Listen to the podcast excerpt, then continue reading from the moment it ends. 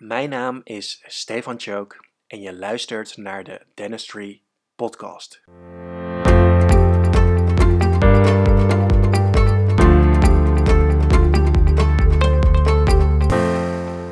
Goedendag allemaal en van harte welkom bij weer een nieuwe aflevering van de Dentistry Podcast. Deze keer heb ik verbinding uh, vanuit uh, de Veluwe hier zo in Nederland met uh, Den Bosch. En tegenover mij heb ik Mark Dissink, auteur, trainer, coach en adviseur en expert op het gebied van persoonlijke ontwikkeling, groei, strategie, ontspanning, besluitvaardigheid, communicatie en NLP, oftewel neurolinguistisch programmeren. Als de founder en CEO van Permista helpt hij mensen met het ontwerpen van hun mooiste leven. Mark staat bekend onder meer om zijn energie, zijn didactische kwaliteiten en scherpe analytische vermogen. En met zijn oplossingsgerichte en to-the-point aanpak is hij een meester in het verbinden en zien van andermans kwaliteiten en het de baas worden van situaties die complexe aandacht vragen. Ook in het bedrijfsleven heeft Mark al diverse organisaties mogen helpen, zoals de Radboud Universiteit Nijmegen, KPMG, Rabobank en de Nederlandse Voedsel- en Warenautoriteit. En verder wordt ook vaak genoemd dat Marks luisterende oor, openhouding en persoonlijke vragenstuurde aanpak vaak door zijn klanten wordt geprezen. En zoals men ook vaak zegt, zodra je in de nabijheid bent van Mark, proef je direct zijn positief versterkende aanwezigheid. En ook al is het dit keer digitaal.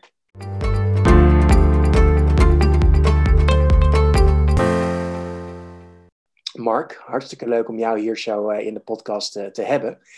En ja. ik begin ook maar gelijk met de allereerste vraag die ik stel aan al onze gasten. Namelijk, en dat is een verrassende vraag waarschijnlijk, maar wat voor gezin kom je? Uit wat voor gezin kom ik? Ik wil zeggen, de vraag van wat voor gezin zit ik nu, kan ik prima beantwoorden. Wat voor gezin kom ik? Um, ik kom uit een uh, heel degelijk, heel degelijk burgerlijk gezin. Um, thuisblijvende moeder, hardwerkende vader, uh, oudste kind. Ik heb nog een, uh, een broertje, drie jaar jonger, en een klein zusje, die nu bijna af, die nu net afgestudeerd is. Ehm, ze wonen in Hilversum. En ja, daar heb ik gewoon een hele warme, degelijke opvoeding gehad. Werk hard voor je geld, zorg dat je geld verdient en ja, le le leef, leef, leef goed. Doe goed. Hartstikke goed. leuk. Ja. We zitten nu in een uh, podcast waarin we vooruitblikken op een nieuw jaar, op 2021. Um, hoe was afgelopen jaar voor jou, Mark? Het uh, uh, bekende coronajaar 2020. Ja, het was een heel bijzonder jaar. Um, al is dat alleen maar... Nee, ik heb nog nooit eerder zo'n jaar meegemaakt. en dat zullen velen zeggen, maar ik bedoel eigenlijk op een hele positieve manier. Um, ik heb op 14 februari mijn vriendin ten huwelijk gevraagd.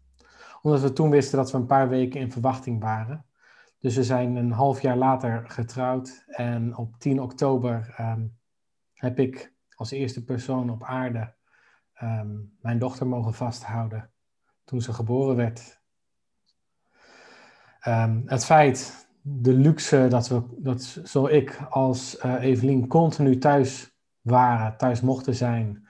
Ik heb de hele bevalling meegemaakt. Ik maak nu volledig mee hoe ze aan het opgroeien is, onze kleine Meef.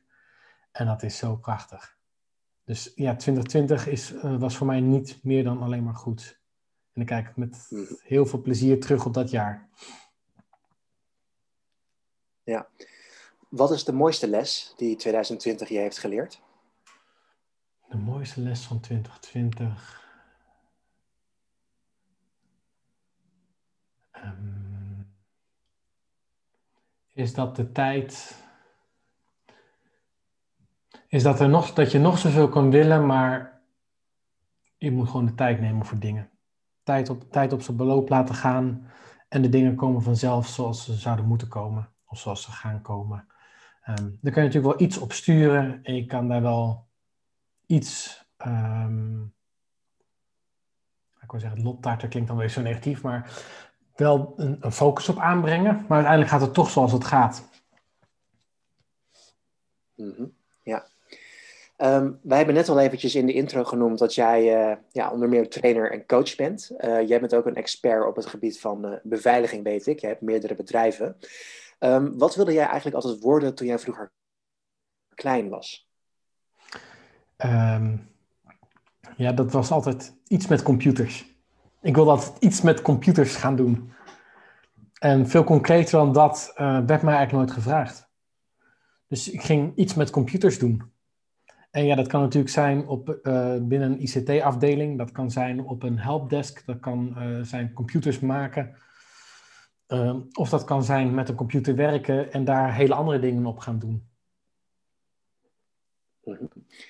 Um, wij noemen net al heel eventjes de verschillende gebieden, hè? dus persoonlijke ontwikkeling, groei, strategie, ontspanning, besluitvaardigheid, communicatie en NLP. Um, waar komt die interesse vandaan voor jou, die onderwerpen? Um, nou, we hebben toch de tijd, als ik even helemaal terugga naar uh, de kleine markt, een jaartje of vijf, zes.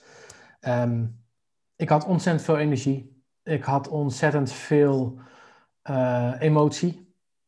Nou ja, zowel positief als negatief. Of nou ja, er waren veel emoties. Emoties zijn niet per se positief of negatief. Die labelen we zo. Daarover misschien later meer. Dus ik, kon super blij zijn. Ik kon ook heel makkelijk huilen. Um, ja, dan word je een gewild pestobject. En uh, die 10, 15 jaar die daar, dat ongeveer heeft geduurd, heb ik mezelf eigenlijk steeds meer afgesloten qua emoties, qua energie. En ja, zo als een mens kan zijn, uh, heb ik mezelf volledig geconditioneerd om volledig analytisch te zijn. Dus om inderdaad met het vorige verhaal uh, aan te haken. Ik ben uh, de IT ingegaan. Ik ben tot op het niveau dat je formeel systemen mocht gaan beoordelen. Dus IT-auditor. Um, ja, dat is mijn baan jaren geweest. Super gaaf, heel veel van geleerd. Maar dat was niet wie ik was. Want die emotie, ja, die zat er vast nog wel, maar die was totaal niet meer zichtbaar. Het was alleen maar ratio, ratio, ratio. En op dat moment dat ik met mezelf aan de slag ging, uh, ook coaches, trainers, trainingen bijwoonde, met professionele hulp zelfs aan de slag ben gegaan. Um, vlak voor, na, maar ook zeker tijdens mijn burn-out, ben ik die hele muur om mij heen gaan afpellen. En toen ben ik er eigenlijk achter gekomen wie ik echt ben, wat ik echt wil. En dan komt het dus niet, voor, niet, niet meer zo dat ik de hele tijd achter een computer moet zitten. Wat ik dus tot voor kort deed. Uh, bij die werkzaamheden, bij dat beoordelen. Want daar zat heel veel dossiervorming bij. Um, maar dat ik veel liever praat met mensen over computers. Dus dan maak je de verplaatsing naar het stuk trainen, in mijn geval. Uh, waar ik ook maar toevallig ingerold ben. Voor zover toeval bestaat. Um, en train ik dus mensen om um, grip op informatiebeveiliging te krijgen. Grip op hun informatiehuishouding binnen bedrijven, binnen organisaties. Hoe zorg je dat de hackers buiten de deur blijven? En dan niet in de techniek, maar in de bestuurskamer. Ja, en daarvoor heb je heel veel communicatie nodig, heb je besluitvaardigheid nodig um, en moet je een duidelijke boodschap kunnen brengen. Mhm. Ja, mooi. Ik hoor een aantal, uh, ik hoor een aantal dingen noemen, hè, onder meer uh, een, een, tegenslag. Uh, je noemde eventjes je burn-out. tegelijkertijd hoorde ik een passage over het feit dat je de, de verbinding met jezelf was verloren. Ik denk dat dat op zich twee onderwerpen zijn die ook voor ons standers niet per se onbekend zijn. Dat die best wel eens voorkomen in, in ons land. Um, als we eventjes beginnen bij het, het, verliezen van de verbinding met jezelf.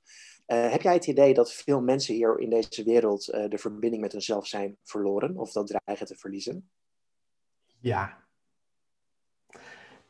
Omdat um, we alleen maar bezig zijn met het naar buiten kijken onze ogen die kijken natuurlijk ook continu naar buiten. Uh, we worden continu getriggerd, of we laten ons continu triggeren door social media, door het internet, door onze smartphones, door alles wat er aanwezig is.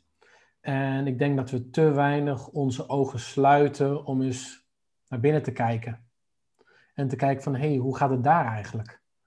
Dat lijf wat je de hele dag mee mag dragen. Um, dat, dat vat vol met emoties, met herinneringen. Is te kijken van, hé, hey, hoe gaat het daar nou eigenlijk mee? En enerzijds uh, trainen we dat natuurlijk in de sportschool, maar dat is ook uiterlijk. Maar echt even naar binnen, ogen sluiten en is het te, te voelen, hoe gaat het eigenlijk met mij? En als je me dat een jaar of tien geleden had gevraagd, doe, doe je dat wel eens? Dan had ik je echt uitgelachen, want hoezo voelen? Wat is dat voor iets raars?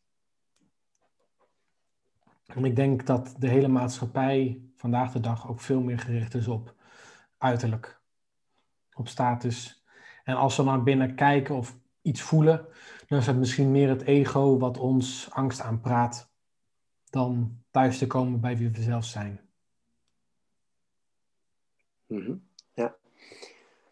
Ehm, over tegenslagen gesproken, hè? Ehm, hoe kijk jij naar tegenslagen? Hoe ga je daarmee om? Ja, en dat, dat, dat begint dan met, uh, wederom zoals ik net ook al zei over emoties, ook nu het, het label wat je erop plakt. Is het een tegenslag of is het een moment van groei? Is het een leermoment? Dat, dat, maakt, de, dat maakt de beleving van dat specifieke emotionele moment al heel anders. Um, ik zal een ander voorbeeld geven wat daar misschien aan gerelateerd is. Zeker nu ook nog steeds actueel. Uh, helemaal uh, de komende weken, maanden.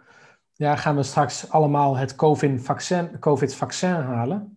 Of gaan we even langs de arts voor een COVID-prik? Het is dezelfde handeling die we op een andere manier beschrijven. Dat maakt zoveel verschil. Dus ja, dan, ja, het voelt misschien op dat moment als een tegenslag. Maar zeker als ik terugkijk, eh, waren het wel hele belangrijke leermomenten. Om weer terug thuis te komen bij wie ik eigenlijk was. Mm want jij noemt, um, jij, jij werkt ook veel met computers, of hebt in ieder geval ook veel met computers en uh, informatiebeveiliging gewerkt. Tegelijkertijd zit jij aan de kant van de persoonlijke ontwikkeling. Uh, wat vind jij nu eigenlijk het leukste van het twee? Wat zijn jouw passies? Waar krijg jij een kwispelstaart van? Dat blijft bezig zijn met mensen. En dat kan zijn inderdaad mensen uh, te laten groeien. als daar de wens is vanuit die mensen ze beter te maken dan ze vandaag zijn, dan wil ik daar heel graag een bijdrage aan leveren. Maar tegelijkertijd, als ik kijk naar informatiebeveiliging, ja, dat staat of valt met de zwakste schakel, en dat is de mens. Uiteindelijk is de mens die op een bepaalde knop drukt, een bepaalde handeling uitvoert of uh, de e-mail met de verkeerde informatie naar de verkeerde personen stuurt. Ja, dat is ook, dat is ook gedrag. En dat, die gedragscomponent, die staat echt centraal in bij datgene wat ik doe. En daarom kan ik het ook eigenlijk allebei nog niet loslaten. Want ook als ik, als ik gewoon een hele week mag trainen op het gebied van informatiebeveiliging en we gaan een, een of ander vaktechnisch boek van een pagina of uh, 600, 700 doorlezen. Um, superleuk om daar continu met ja, stel vakidioten over te ouwe hoeren. Heerlijk. Ja, nou, waar denk ik voor jou al duidelijk is waar jij je passie hebt gevonden, is dat voor sommige mensen niet altijd volledig duidelijk. Hè? Die zeggen van, joh, ik weet eigenlijk niet zo heel erg goed wat ik leuk vind, uh, waar ik energie van krijg of um, ja, wat mijn passie is. Um, ja, hoe, hoe komt dat? En hoe kunnen die mensen wel achter hun, hun ambities en passies komen? Ja, nou, hoe dat komt, dat kan natuurlijk heel veel verschillende oorzaken hebben. Maar ik denk dat het ons niet geleerd wordt bedoel, ik heb nooit op de basisschool of de middelbare school het vak gelukkig zijn gehad. Wel rekenen of taal of maatschappijleer, maar nooit gelukkig zijn. Dus ja, wat maakt mij gelukkig? Ja, daar moet je eerst eens achter komen. En dat is weer die, die reis naar binnen, terug naar herinneringen, terug naar wie ben ik nou eigenlijk, wat wil ik nou eigenlijk? En vanuit daar de projectie naar voren te kunnen stippelen van oké, waar wil ik dan heen en hoe ga ik daar komen? Maar dat begint met eerst ja, weten wie ik ben. En daar zijn uiteraard allemaal ehm, middelen, opdrachten voor om uh, daarmee aan de slag te gaan. En een van de dingen, Stefan, je noemde net al, zijn inderdaad, waar ga je van kwispelen? Als jij kijkt op een werkdag, wat zijn nou mijn hoogtepunten van de dag? Ja, een simpele, een simpele eerste stap is, oké, één, weten wat zijn die hoogtepunten van de dag. Twee, zorg dat je daar meer van gaat doen. Daar begint het met mij mee. Ehm, voor mij was het dus ook, hey, ik heb uh, nou ja, ik heb werk waar ik niet heel blij van word en ik mag af en toe een dag trainen. Werk waar ik niet heel blij van word, moet ik dus minder gaan doen. Uh, dat trainen vind ik wel heel leuk, moet ik dus meer gaan doen. En zodoende heb ik op een gegeven moment dus ontslag genomen, een jaar of drie, vier geleden, bij mijn uh, toenmalige werkgever. Um, en ben ik meer gaan trainen. Waarbij gelukkig mijn oude baas toen ook vroeg, hier blijft er wat trainingen bij ons verzorgen. En ik zei, nou, ik hoop wel dat je dat zou vragen. Uh, dat is wel heel welkom. Want uiteindelijk, laten we wel eerlijk wezen, aan het eind van de dag moet er ook gewoon geld verdiend worden. Uh, dus dat was wel heel fijn. En inmiddels zijn we nu een paar jaar verder. En dan heb ik een vijf, zestal trainingsbedrijven aan mij weten te binden, waar, waarbij ik op regelmatige basis uh, meerdere dagen trainingen mag gaan verzorgen. Het klinkt als iemand met uh, nodige ambitie. Is het belangrijk om ambities en dromen en doelen te hebben als, als mens? Ik denk dat de mens intrinsiek altijd doelen heeft. Ik denk dat we allemaal doelen hebben. Alleen het zou best eens kunnen zijn dat we die uh, met de waan van de dag uh, over de loop van de jaren een beetje uit het oog zijn verloren. Doordat we alleen maar die oogkleppen op hebben en alleen maar bezig zijn met in die maatschappelijke tredmolen mee te lopen, uh, doen wat van ons verwacht wordt. Of doen waarvan wij denken dat van ons verwacht wordt. Daar zit ook een verschil in. daar continu mee bezig te blijven. En ons doelen um, meer naar een droom, onbereikbare droom te laten lijken. En daar dus ook verder uh, in de waan van de dag geen actie op te ondernemen. -hmm. um, wij hebben hier uiteraard een uh, hoop tandartsen als uh, luisteraars voor deze podcast. Um, hoe vaak ga jij eigenlijk naar de tandarts? Ehm, ik denk toch zo'n... Ja, telt de mondhygiënist mee dan? Dat is tegenwoordig weer apart, hè? Als die meetelt, denk ik zo'n keer of vier, vijf, zes. Te, per jaar? Per jaar, ja. Ik, uh, ik kom er regelmatig. Mm -hmm. uh, nou scheelt ook dat ik een hele fijne tandartspraktijk heb en ik het erg goed met, uh, met haar kan vinden. Um, maar een van de redenen waarom ik gepest werd was, ik had astma-medicijnen en ik had een hele kleine, kleine tanden, slecht glazuur aanmaak. Um, dus als ik lag en iedereen, al jouw luisteraars, zullen de volgende keer als ze mij zien nou op letten. Maar dan zie je eigenlijk één grote, één grote berg composiet. Alles is eraan geplakt en dan gaat weer eens een stukje af en er schiet weer eens een vulling uit. En er waren vroeger momenten dat ik gewoon 12, 13 gaatjes had achter elkaar. Dus ik ben blij dat dat een beetje tot rust is gekomen, maar ja, ik kom er nogal regelmatig. Alsof je, het klinkt inderdaad alsof je uh, meer dan gemiddeld bij de tandarts komt. Hoe, uh, hoe ervaar jij de tandarts? Hoe kijk jij naar die, uh, naar die mensen? is, het een, is het een apart volk? Apart volk? Um, nou, ik vind Mandy, mijn tandarts... ja, ik, ik vind het sowieso altijd wel mooi dat... Um, dat, dat, dat, um, dat de, de Bali-medewerkster of de assistent altijd met de voornaam aangesproken wordt, maar de tandarts, ja, dat dat dan toch een meneer of mevrouw die en die is. Ik denk, ja, waar, waar moet er zo'n afstand? Dat voelt voor mij echt een afstand. Een meneer, of nou ja, in dit geval dus dan hebben we het over uh, mevrouw Tops. Ja, dat vind ik zo'n afstand creëren. Ik weet nooit of dat bewust is, maar dan denk ik, ja, waarom eigenlijk? Hetzelfde als je mij de hele tijd met meneer Tissing zou aanspreken en ik, ik jou met meneer Choke. Dat, dat, voor mijn gevoel creëert dat een soort van afstand. Ik denk, ja, zou je er echt daadwerkelijk moeten zijn. Ja, verder is het natuurlijk heel, um, je weet van tevoren al, tenminste ik weet van tevoren al, oké, ik kom binnen, ik ga zitten, um, ik wacht en ik wacht nog wat langer, want meestal lopen we toch wel uit. Dat is toch wel iets wat ik heel kenmerkend altijd vind bij tandartsen, dat ik denk, nou, zou ik eens uh, met, met een coachafspraak moeten proberen? Nee, sorry, ik ben een kwartiertje later. Maar goed, dan, dan mag ik inderdaad naar de tandarts toe. De assistente die, die, die wat in in de computer. Soms weet je wat, soms heb ik geen idee wat. En dan verlaat ze weer en dan ja, zit ik daar een minuut, of vijf minuten. En op een gegeven moment komt de tandarts binnen. Nou ja, bij een controle wordt natuurlijk gewoon samen met de assistenten de controle uitgevoerd. Er worden wat codes geroepen dat ik denk, nou, ik heb geen idee ehm, of dit nou goed of slecht is. Ehm, en ehm, dan mag ik weer gaan. En dan met een vervolgafspraak. Klinkt dat uh, herkenbaar? ja, nou ja, het klinkt inderdaad uh, herkenbaar. Omdat wij zelf natuurlijk in, uh, in het vuur zitten, is het voor ons misschien wat lastiger om dat in perspectief te kunnen plaatsen. Maar het is wel heel interessant om het perspectief van een patiënt op die manier te horen.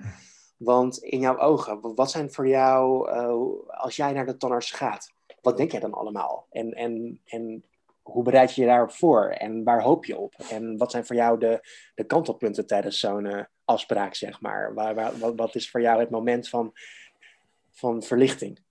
Nou ja, vroeger was ik dus echt als de dood voor de tandarts. Uh, ik kan mezelf nog herinneren, ik denk dat ik een knulletje van 8, 9 was. Ik heb me gewoon opgesloten in het toilet.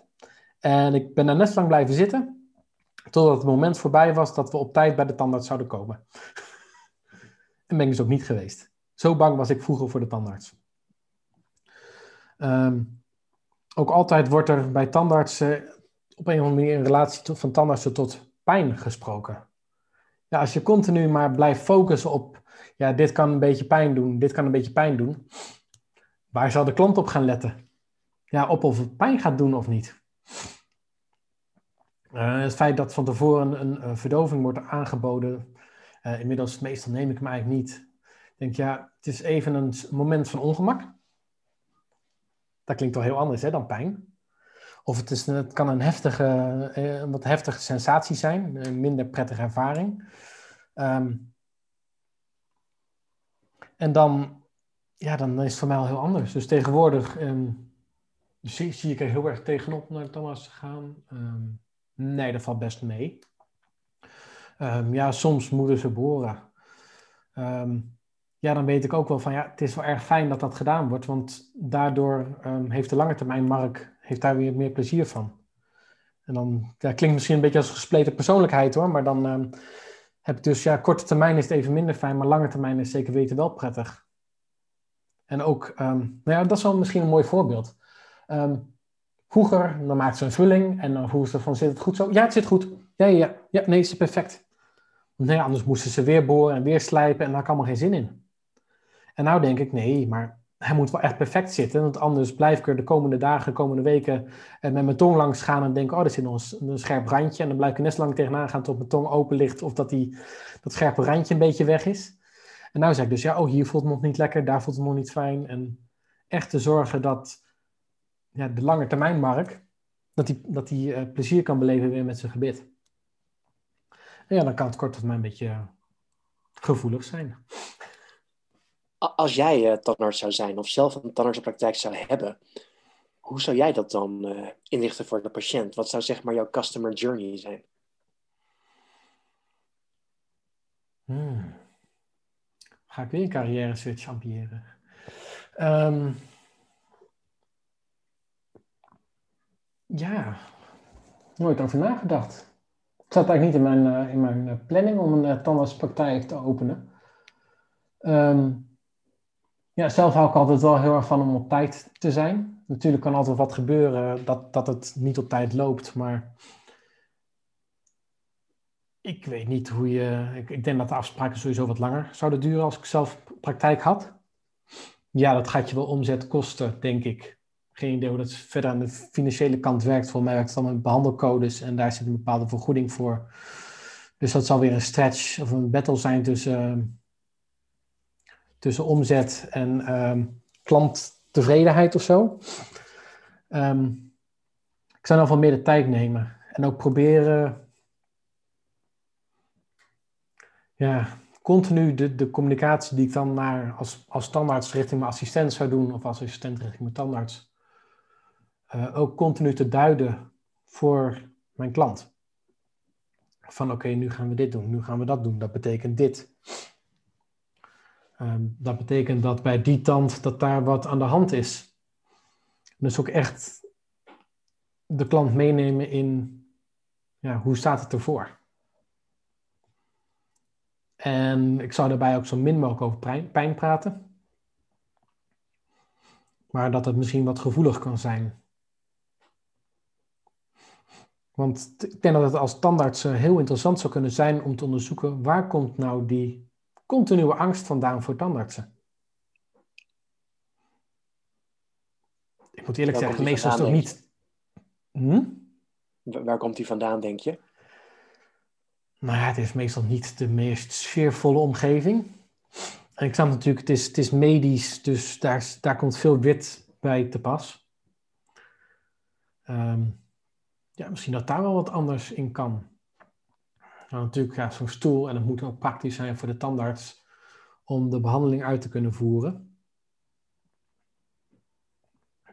Maar hoeveel, hoeveel speelruimte is daar om dat op een andere manier te doen? Dat wat fijner en relaxter te maken voor de klant. Als jij even kijkt naar je eigen tandartsbezoeken, zeg maar, welke drie dingen zou je dan nu opnoemen van primair, ja, die zou ik dan uh, net een tikkeltje anders uh, aanpakken, zeg maar? Um, ik zou het uh, zelf zorgen dat er op tijd gewerkt wordt. Tuurlijk. Um, het kan een keer zijn dat er, dat er echt iets tussendoor komt waardoor je moet wachten. Prima. Meld dat dan even. In plaats van dat je in de wachtkamer blijft zitten.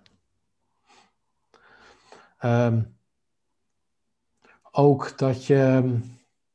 Nou, ik, heb, ik heb wel eens vijf minuten alleen gezeten in een tandartsruimte. Nou, vind ik dat op zich best relaxed. En er staat een muziekje aan. En uh,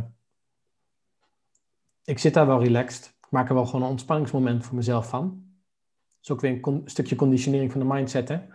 Dus niet denk van, oh, ik zit nu in een tandartsstoel. Nee, ik denk, oh, relaxed. Um, en de derde ja, dan zou echt inderdaad te communiceren op de manier dat de klant het begrijpt wat je aan het doen bent. En ook misschien daarvoor zelfs nog vragen van oké, aan de klant van hey, hoe kan ik jou het beste begeleiden op dit proces? Want ik kan, ik kan het misschien wel belangrijk vinden dat er op tijd gewerkt wordt, dat ik niet alleen in die ruimte zit en dat ik begrijp wat er gebeurt. Maar wat wil de klant eigenlijk om een zo fijn mogelijke tandartservaring te hebben? Ik merk in, uh, in je verhaal dat, dat het woord uh, of het thema communicatie vaak uh, terugkomt. Ja. laat dat nu net een van jouw sterkere punten zijn. Wat is het geheim van een goede communicatie? duidelijkheid in je boodschap. Benoemen precies datgene wat je moet benoemen. Op een manier dat de ontvanger van de boodschap ook begrijpt wat er bedoeld wordt. We kunnen natuurlijk zeggen dat er een, uh, nou ja, iets met de 1-2 of de 1-3 aan de hand is. Waarbij ik volgens mij heb geleerd, nee, ik heb geen idee precies welke kant dat dan precies is. um, maar dan kun je ook zeggen, hey, uh, en daarmee kan je nog steeds natuurlijk die 1, 2, 1, 3 benoemen. Maar het kan ook zijn van, hé, hey, je tweede voortand van rechts. En dan is al gelijk de vraag, jouw rechts of mijn rechts? Um, daar zien we een plekje op. Dat kan uh, misschien betekenen een gaatje, of iets wat wij even verder moeten onderzoeken. Dat is, al, dat is een heel ander bericht. Als je daar als klant behoefte aan hebt, uiteraard.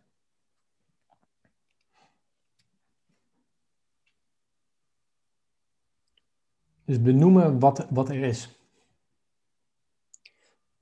Wat zijn volgens jou de belangrijkste facetten uh, wanneer je een gelukkig en succesvol leven wil leiden? Oh, dat is even een hele andere vraag. De belangrijkste facetten. Um, eigenlijk is dat maar één facet, maar daar zitten we zoveel onder. Um, het gevoel dat je als mens vooruitgang boekt in het leven. Ik denk dat dat het meest belangrijke is. En dan hoef je dus niet eens vooruitgang te boeken, hè? Wat, wat die vooruitgang dan ook per se is, maar het gevoel dat dat zo is. Het gevoel dat je die vooruitgang boekt. Het gevoel dat um, als je zeg maar, terugkijkt op heel 2020, waar stond je in januari 2020 en waar sta je nu? En ehm, in hoeverre kwalificeer of kwantificeer je vooruitgang of uh, groei, denk ik? Ehm, ik denk dat iedereen daar zijn eigen meetlat voor heeft. Want dan moet je echt weer teruggaan naar ehm, je kernverlangens, je kernkwaliteiten. Wat is voor jou belangrijk? En als je teruggaat naar die kernkwaliteiten, van wat is voor mij belangrijk, waarvan in jouw termen ga je kwispelen, en eens kijkt op die facetten van, hey, heb ik daar afgelopen jaar voldoende aandacht aan besteed? En je daar met een uh, volmondig ja op kan antwoorden, dan heb jij vooruitgang geboekt. En natuurlijk kunnen we uh, voor de meer ratio ingestelde persoon daar allerlei grafieken, meeteenheden, uh, analyse tools op loslaten. Maar het begint met weten wat je kernwaarden zijn. Dat is sowieso een interessante vraag.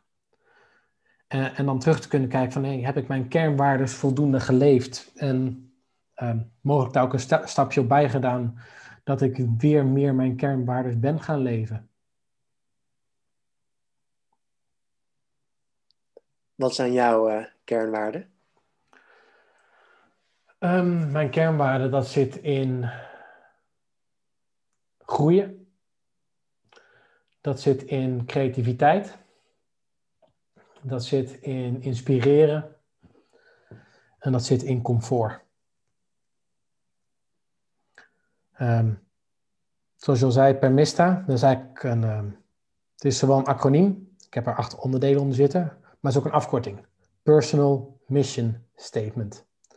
En de manier hoe ik met mijn kernwaarden omga, dat is door ze in een missiestatement te verpakken. Net zoals bedrijven een missiestatement hebben. Um, en mijn bedrijven, uh, zowel Permista als Securities, dat stuk met informatiebeveiliging, ook een missiestatement hebben, een missie en een visie. Dan heb ik dat ook voor mezelf als persoon. Sterker nog, Evelien en ik hebben samen ook een missiestatement. Wie zijn wij als relatie? En zo'n missiestatement is voor mij dan zeg maar de, de verpakking, het muurtje, zowel de woorden als de cement van uh, wie ik ben en wat ik wil. Wil je, wil je dat ik hem uh, voorlees?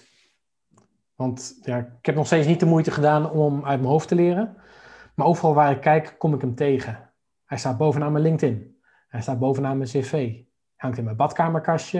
Hij hangt hier op mijn whiteboard. Overal heb ik mijn mission statement bij me. En dat helpt me continu bewust, maar nog belangrijker, onbewust.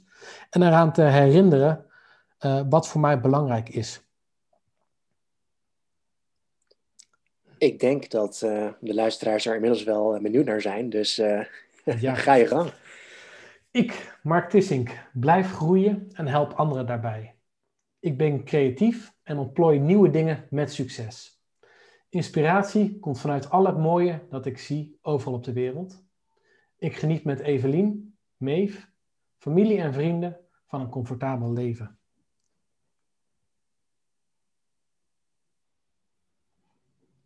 Nou, dat is wel heel mooi. En um, ik moet gelijk denken aan het laatste stukje. Hè? Een, comfortabel leven. Wie wil dat nou niet? Alleen is het soms niet zo dat wij mensen iets te comfortabel in het leven zijn uh, gaan staan en gaan leven? Sowieso is het in, uh, één stap terug. Is het interessant wat betekent comfort voor mij? En wat betekent comfort voor jou? Want dat soort woorden als um, groei, creativiteit of succes, um, dat zijn zulke grote containerbegrippen waar iedereen weer iets anders onder kan verstaan. Uh, voor mij betekent dat um, comfortabel. Ik hecht veel waarde aan uh, kwaliteitproducten. Ik leef dus liever met minder spullen, maar wel van goede kwaliteit, dan van heel veel spullen om me heen. Ik vind het fijn als dingen er mooi, goed en verzorgd uitzien. Um, ik heb liever um, tien truien in mijn kast hangen dan uh, 50 waar, waar, ik niet vrolijk van word. Um, dat zijn een paar elementen dat als ik het woord comfort hoor, waar ik aan denk. Wat, waar denk jij aan bij het woord comfort? ik moet gelijk denken aan, aan de comfortzone, ehm, die nog wel eens wil voorkomen. Ehm, ook in, in onze contraien, zeg maar. Hè, dus in de zin van, als je kijkt naar het beroep tandartsen, Um, wat toch een beroep is waarbij je veelal dezelfde handeling doet, weliswaar bij verschillende patiënten. Uh, waar natuurlijk ook het blok communicatie weer in uh, terugkomt, wederkerend. Uh, maar tegelijkertijd hoor ik wel eens van, hè, tandheelkunde, ehm, is dit het nou? is, is dit het dan? Ga ik dit nog voor de rest van mijn leven doen, tussen vier muren? Um, en in die zin is het burn-out en ook zelfs het suïcide-ratio van tandartsen schijnt hoger te zijn dan gemiddeld. Uh, heb jij daar een verklaring voor, uh, Mark? Um...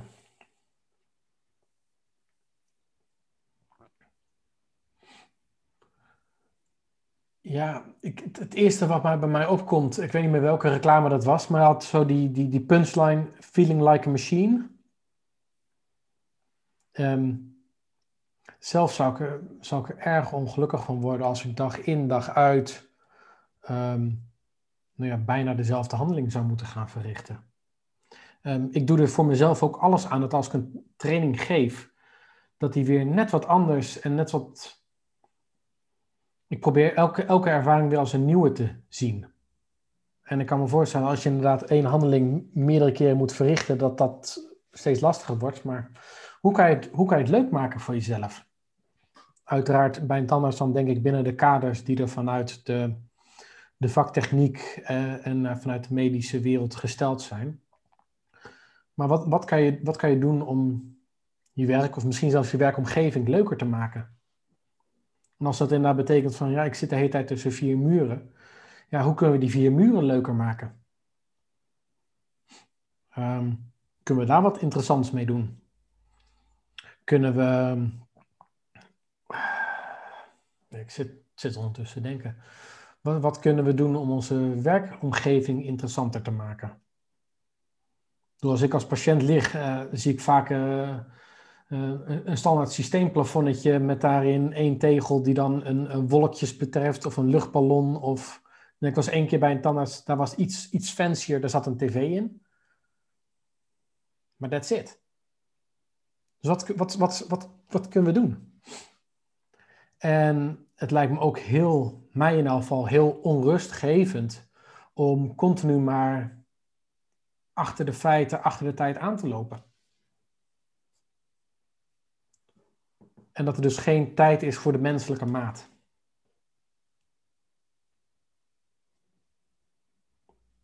Zijn het punten die herkenbaar zijn? Nou, ik zit ook eventjes te denken. En ook gelijk natuurlijk aan het hoofdstuk uh, werk en privé. Eh, de, de work-life balance. Um, je geeft aan van maak het in ieder geval tussen de vier muren leuker. Maar kan het er ook niet aan liggen dat het juist buiten die vier muren uh, eigenlijk veel leuker moet? Waar, waar, waar ligt vaak het knelpunt? Is de combinatie? Uh, wat ervaar jij vaak in jouw uh, studies? In jouw, nou ja, wat, te wat tegenkom is mensen. Als mens heb je een identiteit.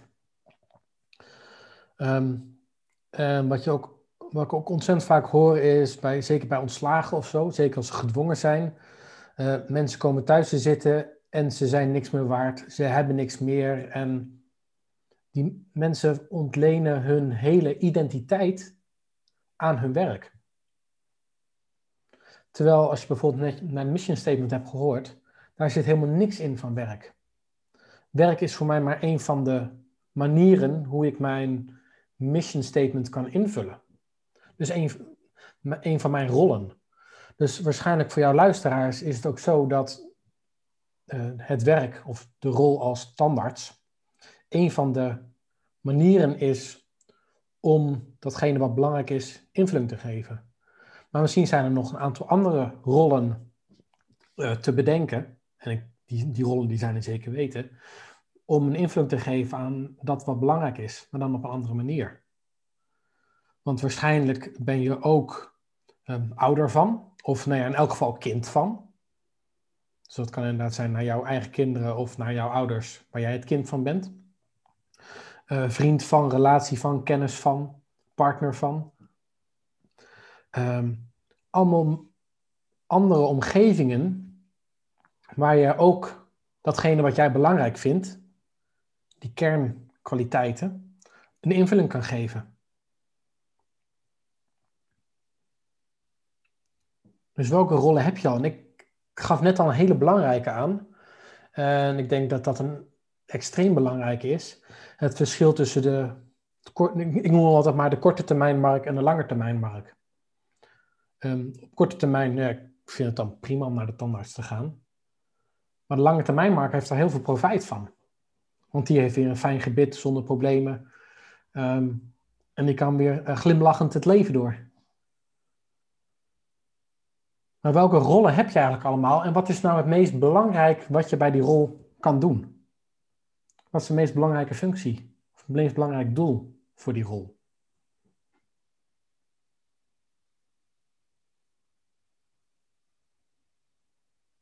Ja, leuk. Mijn uh, gedachten blijven inderdaad hangen nu uh, bij, uh, bij dat werk. Hè? Want dat is natuurlijk een groot deel waar de tandarts mee bezig is.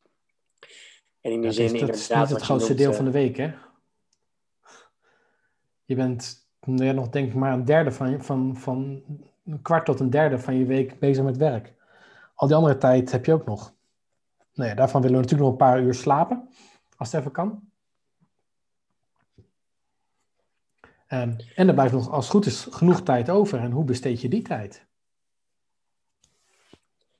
nou ja, goed, inderdaad. Hè. Um, de docenten die wij binnen Dentistry University tegenkomen, dat zijn ook vaak um, ja, mensen die echt wel uh, passie hebben voor hun vak. Uh, die daardoor soms ook wel zichzelf af en toe kunnen uh, verliezen in een enthousiasme voor het vak. maar wat is een goede manier om die work-life balance ja, stabiel te, te houden.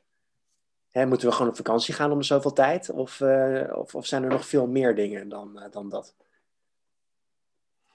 dat? En dat um, nog meer dingen dan dat suggereert natuurlijk dat er ook meer dingen zijn. En dat is inderdaad zo. Want zelfs um, op je werk kan je natuurlijk ook gewoon een momentje creëren. Het feit dat je een lekker kopje koffie pakt en gewoon eens even de volledige focus op dat kopje koffie hebt. En gewoon geniet van hoe die koffie ruikt, hoe die koffie eruit ziet, hoe die koffie smaakt. Uh, en dan hoop ik inderdaad dat je in de gelegenheid bent om um, niet uh, in een, in, een um, nou ja, in, zo'n papier of plastic bekertje een, een, een, een, hoopje bruin vocht te krijgen. Maar gewoon een, een goede koffie of een goede espresso of een cappuccino. Als je dat belangrijk vindt. En daar dus ook gewoon tijd voor maken. Ik bedoel, ik roep het heel vaak en het is ontzettend afgezaagd gezegde, maar geen tijd is geen prioriteit. Hoeveel tijd besteed je op een dag aan jezelf? Of ben je maar continu met de ander bezig, wat natuurlijk als tandarts als beroep is. Ja, je ziet continu andere mensen en daar moet je ook continu met je aandacht bij zijn. Hoe vaak ben je op een dag met de aandacht bij jezelf? Voor mij een goede kop koffie kan een complete vakantieervaring zijn. Echt even volledig zoned out zijn van alles wat er is en alleen maar die focus op dat kopje koffie. Die zo heerlijk ruikt met de warmte. En dat kopje, wat dan van mooi, ja, daar ben ik weer, van, van comfort. Een mooi porseleinen kopje, wat lekker dik wandig is en helemaal voorverwarmd is, zodat die koffie lekker warm blijft. Maar ook die warmte in je hand ligt. Um, de geur die ervan afkomt en dan dat, dat, eerste slokje wat je dan neemt, dat je die, die crema proeft dat, dat foamy met een beetje van de warme koffie en alle smaken van nootachtig, misschien een zuurtje en dat allemaal bij elkaar komt. Dat is heel anders dan ik pak een bakje bruine drap en een klok om de achter, ik moet door. Dus um, tip 1 voor onze luisteraar, uh, koop een goede uh, koffieapparaat. ik kom proeftesten. ja, oké. Hartstikke leuk. Nou ja, en, en, en, het is een goede tip. Maar als het je helemaal niks doet, moet je het ook vooral niet doen. En dat bedoel ik weer van, hey, wat is nou belangrijk voor jou? Wat zijn de hoogtepunten voor jou op een dag? En als dat is, dat is um, mijn, dag, mijn, mijn werkdag is afgelopen, ik ga naar huis.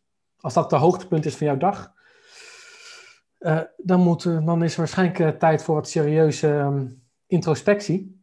Oftewel naar binnen kijken en serieus evalueren. Waarschijnlijk met wat hulp. Um, wat wil ik nou eigenlijk? Ja. Ehm, je beschreef zojuist een uh, geluksmomentje hè, met, uh, met de koffie en uh, hoe lekker dat kan ruiken. waar word jij gelukkig van, Mark? Nou, dat koffiemomentje kan ik heel gelukkig van worden. Um, nou ja, met, met, met de komst van de dochter heb ik er natuurlijk een compleet nieuwe scala aan gebeurtenissen bij. Um, waarbij ik zelfs kan genieten van het kraaien als op de commode ligt terwijl ik met haar poepluier bezig ben. Echt waar. Um, maar ik kan ook ontzettend van genieten. Nou ja, zoals wij nu bezig zijn met uh, het opnemen van deze podcast, het interacteren van mensen, uh, het mogen bijdragen um, aan de potentiële groei van anderen. Ja, briljant. Um, een van mijn klanten die geeft een, daarvan mag ik af en toe een vijfdaagse training on-site geven. Dus inderdaad, ik en de deelnemers die er zijn in een hotel. Um, drie keer per dag een, gewoon een prima, perfecte maaltijd. Een ruimte uh, waar ik met een cursist aan de, aan de gang ga. En ondanks dat het wel echt een kennisstamptraining is, ook gewoon ontzettend veel lol. En daar zet ik muziek aan die af en toe gewoon totaal niet kan. Zeker niet binnen de security wereld die toch heel zakelijk en degelijk is. Uh, maak ik flauwe en schuine grappen? Um, drink ik lekkere koffie? Um, zijn we inderdaad af en toe volledig um, op niet vaktechnische wijze uh, aan het oude hoeren? Ja, aan het eind van zo'n week ben ik compleet afgedraaid. Ik ben helemaal leeg, maar ik zit vol energie. dat zijn, dat zijn, dat zijn voor mij ook geluksmomentjes. Ja, mooi. Ja, je had het eventjes uh, weer over uh, groei. Iets wat in jouw uh, missiestatement ook heel duidelijk ja. terugkomt. Jij bezoekt ook natuurlijk events. Hè? Jij hebt het nodige ook geïnvesteerd in, in jezelf en in je hele ontwikkeling. Um, een van de bekendste nou ja, self-motivation gurus, inspirational speakers, dat is Tony Robbins. Ja. Ik weet dat jij in 2019 bij Tony Robbins live bent geweest in Londen, uh, van dichtbij. Zou eigenlijk elke tandarts naar, uh, naar zo iemand als Tony Robbins moeten gaan, uh, volgens jou? Nee, zeker weten niet. Ehm, het moet je liggen. iemand kan je alleen maar inspireren als jij die persoon als inspirator ziet. En het moet passen bij jou, bij waar jij behoefte aan hebt op dat moment. Um, ik vind Tony geweldig hoe die staat, hoe die doet. Niet alleen maar van hetgeen wat hij vertelt, maar ook gewoon zijn performance on stage. Ik kan ook, nou ja, als je op zo'n event bent, urenlang naar kijken. Hoe doet hij wat hij doet? Hoe communiceert hij? Hoe brengt hij zijn boodschap over? Dus ook gewoon als trainer, als didactische vaardigheid, hoe hij dat doet, vind ik ook briljant en daar kan ik nog uren van leren. Maar ik kan me ook voorstellen um, dat niet iedereen zit te wachten om op zo'n happy clappy um, volledig uit je dak vier dagen seminar te gaan. Uh, een andere kant die nog weinig mensen van mij kennen, is ook de meer spirituele kant. Um, ik ben ook wel eens op een driedaagse retraite geweest, uh, waarbij je yoga doet, waarbij je mediteert, waarbij je tot inkeer komt, uh, waarbij je um, andere oefeningen doet. Um, ik mag, ja, nu is het een beetje lastig, ben ook aanwezig geweest bij knuffelworkshops. En ik heb zelfs de opleiding, opleiding tot knuffelworkshop facilitator gevolgd. Ja, je moet echt kijken van, hé, hey, wat is mijn, ja, dat is een leerdoel, maar wat is datgene waar ik meer van wil in mijn leven en hoe zou ik tot bepaalde inzichten kunnen komen? Wat zou bij mij daar kunnen helpen?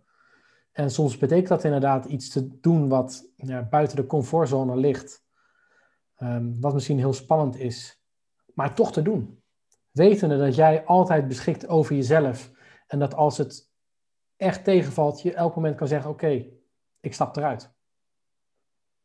En ook dat moment van, um, en dat is dan meer een stuk assertiviteit, nee te kunnen en durven zeggen tegen uh, dingen die er zijn. Over uh, mensen die uh, inspireren gesproken, um, wie zijn jouw inspirators? Dat is zeker weten Tony, maar misschien eigenlijk nog wel meer zijn um, al jaren zijn rechterhand, Joseph McClendon. Die vind ik echt briljant. Um, en waar heeft het mee te maken? Waar heeft dat mee te ehm, maken? Zit hem voor een stuk ook op didactische vaardigheden hoor. Hoe hij. Ehm, je hebt altijd, dit is even een stukje uh, vakdidactiek uh, voor een trainer. Je hebt altijd content en context. Ehm, Tony, maar ook Joseph, die zijn ontzettend goed in. Nou ja, als je kijkt, wat heb je in drie, vier dagen aan content gekregen? Flinterdun.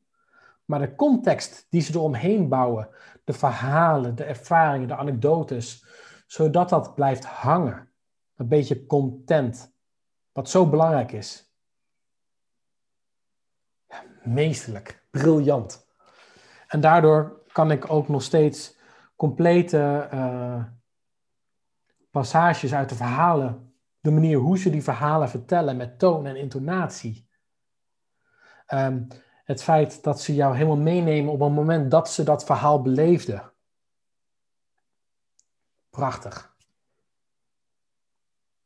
En hetzelfde, uh, in, zeker in Nederland, vind ik Remco Klaassen. Die, die kan daar ook ontzettend goed mee. En daar heb ik ook heel veel van geleerd. En tot slot dan toch mijn, uh, nou dan toch, nee, dat is gewoon een kei goede kerel. Uh, Peter, Peter Dalmeijer, dat is mijn NLP-docent bij Vidarte in Den Bosch. En die heeft me ook heel veel geleerd. En die, ook dat, ja, ik ben waarschijnlijk uh, ook de sukker voor stories, want dat is ook een verhalenverteller. En dat is natuurlijk wat wij als mensen ook al eeuwen met elkaar doen. Het vertellen van verhalen. Waarbij we een bepaalde afdronk hebben van oké, wat kunnen we hiervan leren? Wat kunnen we leren van dit verhaal dat ons kan brengen met verdere groei? En dan gaat het er maar net over van, hey, welke manier van verhalen vertellen um, sla jij op aan? Wat vind jij een fijne manier om een verhaal verteld te krijgen? En voor de ene persoon kan dat prima zijn, inderdaad, happy clappy, full power met een Tony of een Joseph. En voor een andere kan dat in een meer ingetogen uh, meditatiesetting zijn. Ja, mooi. mooi om te luisteren naar uh, ook jouw bewondering voor die mensen. Uh, wat zijn jouw eigen ambities nog?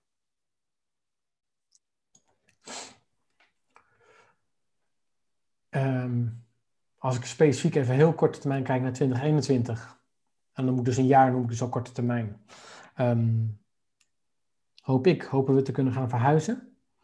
Uh, ik hoop naar een woning waar ik de mogelijkheid heb om een eigen trainingsruimte te maken te creëren. Van, nou ja, voor 10, 20 man. Even niet anderhalve meter, maar gewoon 10, 20 man. Dus um, maximaal vierkante meter of 100, denk ik. Um, en daar persoonlijk leiderschaps, persoonlijke ontwikkelingstrainingen te mogen gaan geven. Om mensen ja, een soort van rust en een focus te kunnen geven om daarna weer terug, terug de maatschappij in te stappen. Uh, met een volledige focus weer aan de slag te gaan. Mooi. Dat lijkt me heel mooi. En als dat inderdaad op een gegeven moment betekent van... Um, ik ga ook grotere groepen trainen en dat, is, uh, dat zijn kleine theaters. Uh, vind ik nu nog wel heel spannend. Um, ik weet wel dat het in me zit, dat ik het kan. Um, ik heb er de kop voor.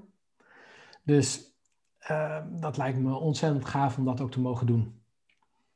Um, ja. Eigenlijk de boodschap die ik van Peter, al Peter heb meegekregen, is dat ik de, de gave heb, of de wijsheid om diepergaande, diepergaande wijsheden uh, door te geven. En daar geloof ik ook wel in. Um, ik ben zeker niet toegankelijk voor iedereen. En dat wil ik ook absoluut niet zijn. Maar ik hou ervan om ontzettend veel vragen te stellen. Die mensen aanzet tot denken. Waarbij zij zelf de inzichten mogen vergaren uh, die ze op dat moment nodig hebben. Ja, mooi. Welke um, drie boeken kan jij aanraden aan uh, mensen die zeggen van joh, ik wil meer over dit alles weten, waar jij het over hebt? Um, boek van Remco Klaassen, Ik, dat is zeker weten een aanrader waarbij dus ook echt onderzoek gaat, op onderzoek uitgaat van hey, ehm, wat zit er nou, wie ben ik nou, wat wil ik nou? Ehm, het andere boek wat ik ook zeker kan aanraden uh, zijn de Seven Habits of Highly Effective People van Stephen Covey. Alleen al het leven naar meer die, die Seven Habits. Uh, het, het, het inzicht dat ze er zijn en hoe je ze kan toepassen. is ontzettend waardevol. En als derde zou ik zeggen het boek van Pamista, wat al in 2022 eh, gaat verschijnen. Wat namelijk de bundeling is van al die kennis uh, die beschikbaar is. Ja, dat boek moet nog volledig geschreven gaan worden. Uh, model is er, de tijd ontbreekt op dit moment. Uh, dan wel de funding. Um, even kijken, echt een derde boek. Eens denken, wat zijn nou de topboeken die ik afgelopen tijd heb gelezen?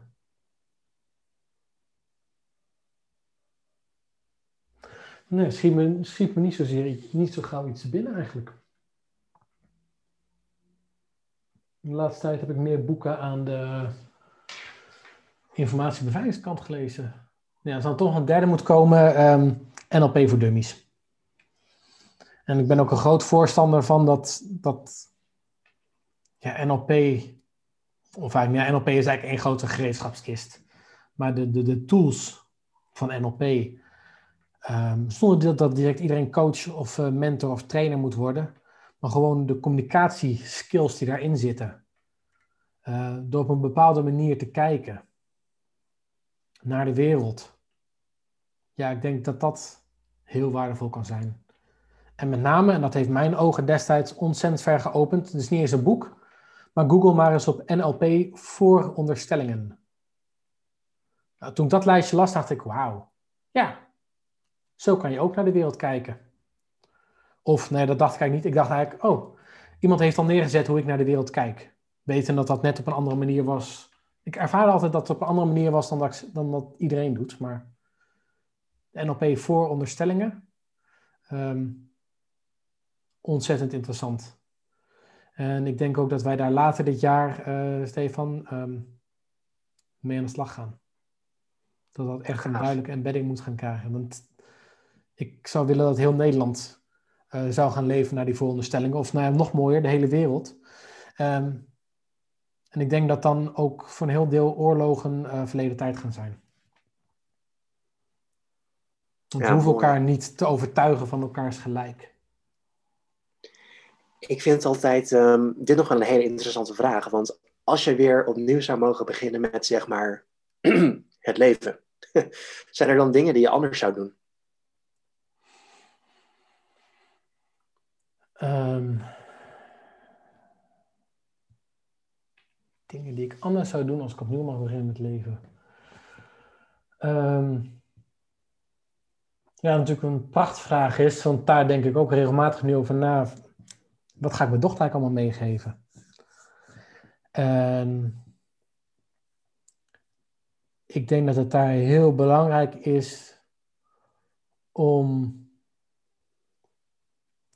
regie te blijven houden op je eigen leven.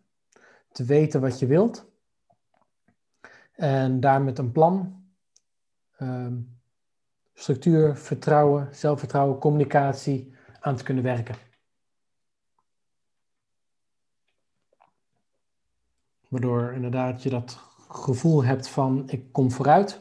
En dat draagt bij aan het meest ultieme gevoel, het gevoel van geluk. Jij bent wel iemand uh, die dingen plant. Uh, of ben je ook wel iemand die dingen gewoon lekker op zijn beloop uh, laat gaan en kijken waar het schip strandt, zeg maar? Of waar het schip heen vaart? Um, beide, denk ik. Ik kan heel gestructureerd plannen.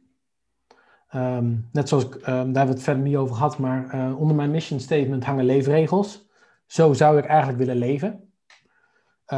het mooie is, als je een regel hebt, kan je uitzonderingen beheren. Dus heel vaak, ja, ik weet de regel er is, lekker relevant, ik doe toch wel. Maar je onderbewuste, die is, die is gewoon continu bezig. En door het feit dat je dus plant, dat je focus hebt, kan je genieten tijdens de weg en kan je eens een keer een uitstapje maken, wetende dat de TomTom toch al goed ingesteld staat. Je komt op je bestemming. En ook als je er niet komt, dan heb je dus in elk geval genoten van de reis. En ben je wel bewust aan het sturen gegaan van, hé, hey, waar wil ik eigenlijk heen? En een van de dingen die ik... Uh... een hele mooie. Hm? Ik vind het een hele mooie, want je hebt het namelijk over leefregels. Hè? En ja. Ehm, nou ja, als we toch vooruitblikken op 2021, is natuurlijk iets wat altijd daar naar voren komt in januari, uh, goede voornemens. Ja. Hè? Um, allereerst, wat, wat zijn jouw goede voornemens? Maar ook ten tweede, we maken vaak goede voornemens, maar we houden ons er niet aan. Terwijl we wel weten dat we het eigenlijk willen. Waarom, waarom is dat zo? Um, ik doe niet aan goede voornemens. Uh, ik ben eigenlijk nou ja, dag in dag uit. Ik ben continu uit bezig met van oké, hoe zou ik eigenlijk willen leven? Um, je kan elk jaar, eh, je kan elke dag opnieuw beginnen met een voornemen te maken van oké, eh, nu ga ik meer van dit doen of minder van dat. Um, dus ja, met mijn leefregels heb ik al voldoende sturing um, van wat ik nou eigenlijk wil. Het enige wat ik aan het eind van het jaar te doen is, oké, welke leefregels zouden komend jaar uh, meer aandacht mogen verdienen? En daar maak ik dan een soort van projectje van. Van oké, wat, wat gaat er in 2021 dan specifiek de focus krijgen? Uh, waar ga ik net even wat meer de aandacht op, leggen? Dat dat uh, goed gaat landen. Um, maar dat betekent dus ook, ik, ik, geef mezelf een jaar de tijd om daarmee aan de slag te gaan. En niet dat als ik uh, eh, 5 januari denk, oh, nou ben ik het een dag vergeten. Als iets is wat ik elke dag zou willen doen. Uh, stop er maar mee. Nee, nou dan is dat gewoon een signaal van, hey, oh ja, had ik eigenlijk wel kunnen doen. Morgen weer beter. Dus dat betekent ook gewoon um, niet te streng en dus ook eigenlijk heel liefdevol tegen jezelf zijn. Weten, hè, dat is bijvoorbeeld een van die vooronderstellingen. Je doet altijd het juiste op het moment dat je het doet. Je maakt altijd de beste keuze op het moment dat jij een keuze maakt. Dus um, voornemens? Nee. Um, de reden waarom ze, veel mensen het, het, het, de goede voornemens, uh, dat die niet blijven hangen. Uh, ze weten niet genoeg waarom ze het willen. Dus bij, bij die voornemens is het ontzettend belangrijk van, hé, hey, waarom wil ik dat nou eigenlijk? Wat gaat mij dat opleveren? En als mij dat, op, dat oplevert, wat geeft me dat dan? Dus echt nog twee stappen verder kijken dan de reden waarvoor je het doet. Bedoel, je stopt niet met, lekkere standaarden, lekker, je stopt niet met roken om te stoppen met roken. Sowieso doelen altijd positief formuleren. Dus je wil uh, gezonder leven of je wil gezonde lucht in blijven ademen. Misschien zoiets. Um, maar wat gaat jou dat geven? Of waarom wil je dat zo graag? Is dat zodat je um, meer energie overhoudt, zodat je meer, um, meer beschikbaar kan zijn en meer energie kan hebben om met je kinderen mee te rennen. Of zodat je een langer leven kan hebben samen met je partner. En dan is die eerste, de korte termijn winst, veel fijner natuurlijk dan de lange termijn winst. Ook al gaat het natuurlijk ook over de lange termijn. Um, daardoor spaar je geld uit. Ja, hartstikke leuk, maar wat ga je er volgens mee doen?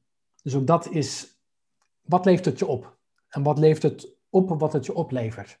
Dus nog twee stappen verder kijken is denk ik de beste tip uh, als we het hebben over goede voornemens. En weten waarom. Stel jezelf maar twee of drie keer de waarom. Juist, ja. Um, om uh, een beetje naar het einde te gaan van deze aflevering. Uh, welke best practices kan jij mensen meegeven om 2020 sterk af te sluiten en van 2021 dan daadwerkelijk echt uh, mooiste jaar voor velen te gaan maken. Ja, ik pak een habit van Stephen Covey erbij. Specifiek, mocht je het boek toch nog gaan lezen, The Seven Habits of Highly Effective People, habit 5. Seek first to understand, then to be understood. Dus probeer nou eerst te begrijpen wat iemand anders tegen jou zegt voordat jij je eigen verhaal erin plakt. Dus niet luisteren om de praatstok over te nemen, maar echt te begrijpen wat die andere persoon bedoelt. En daarbij, stel nou eens dat de ander altijd een goede intentie heeft. Misschien is niet de intentie die jij voor ogen hebt, of is de intentie misschien niet direct goed voor jou, maar de ander heeft altijd een positieve intentie voor zich. En probeer dus inderdaad met het begrijpen van die ander en te zien dat die ander altijd redeneert vanuit een positieve intentie, die twee nou gecombineerd en op die manier ehm, een gesprek ingaat, waarbij je dus inderdaad één mond, twee oren, ook in die verhouding gebruikt. Meer luisteren naar de ander en uitgaan van het beste van die andere persoon. Wat me inderdaad nog brengt, dat boek heb ik heb het nu niet hier in mijn blikveld liggen, maar dat is denk ik een van de gaafste boeken die ik afgelopen jaar heb gelezen. De meeste mensen deugen. Van Rutger Brechtman. Dat is de derde boekentip die ik wil geven. Of misschien is het inmiddels al de vierde, maar De meeste mensen deugen. Ook een briljant boek. En dat gaat dus ook echt over wat ik net zei, het goede in de mens zien. Ja, wat mooi. Ja. Als laatste, welke take-home messages zou jij onze luisteraars willen meegeven?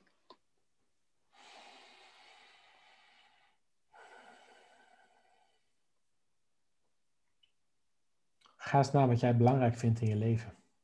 Waar wil je meer van? Waar wil je minder van? En kijk eens hoe je dat in eerste stapje kan organiseren. het hoeft niet compleet en finaal anders. Maar zet eens een eerste stap. En kijk eens of dat bevalt. En als je nou verder wilt, dan uh, weet je mij of Steven uh, te vinden. Leuk. um, en dan eventjes nog als allerlaatst, maar is er een vraag die ik jou nog niet heb gesteld, maar wel had kunnen vragen? Je had me nog zoveel vragen kunnen stellen. Misschien kunnen we eens een keer een podcast maken over informatiebeveiliging bij tandartsen. Lijkt me ook trouwens heel interessant. De nou, AVG. Dan bewaren we dat inderdaad uh, voor uh, in 2021. Dat is sowieso al een hele interessante. Compleet ander onderwerp. Uh, wat heb je mij nog kunnen vragen? Um,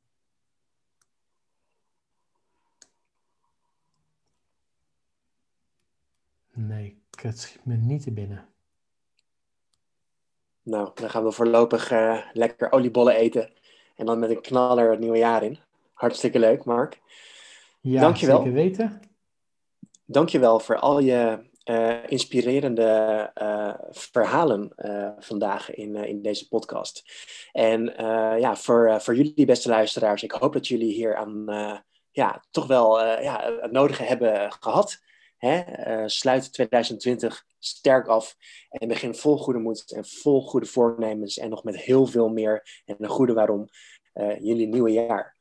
Ehm, wil je meer weten over Mark en over hetgeen wat hij doet en over hetgeen wat wij gaan doen met Dentistry University en gecombineerd met persoonlijke ontwikkeling?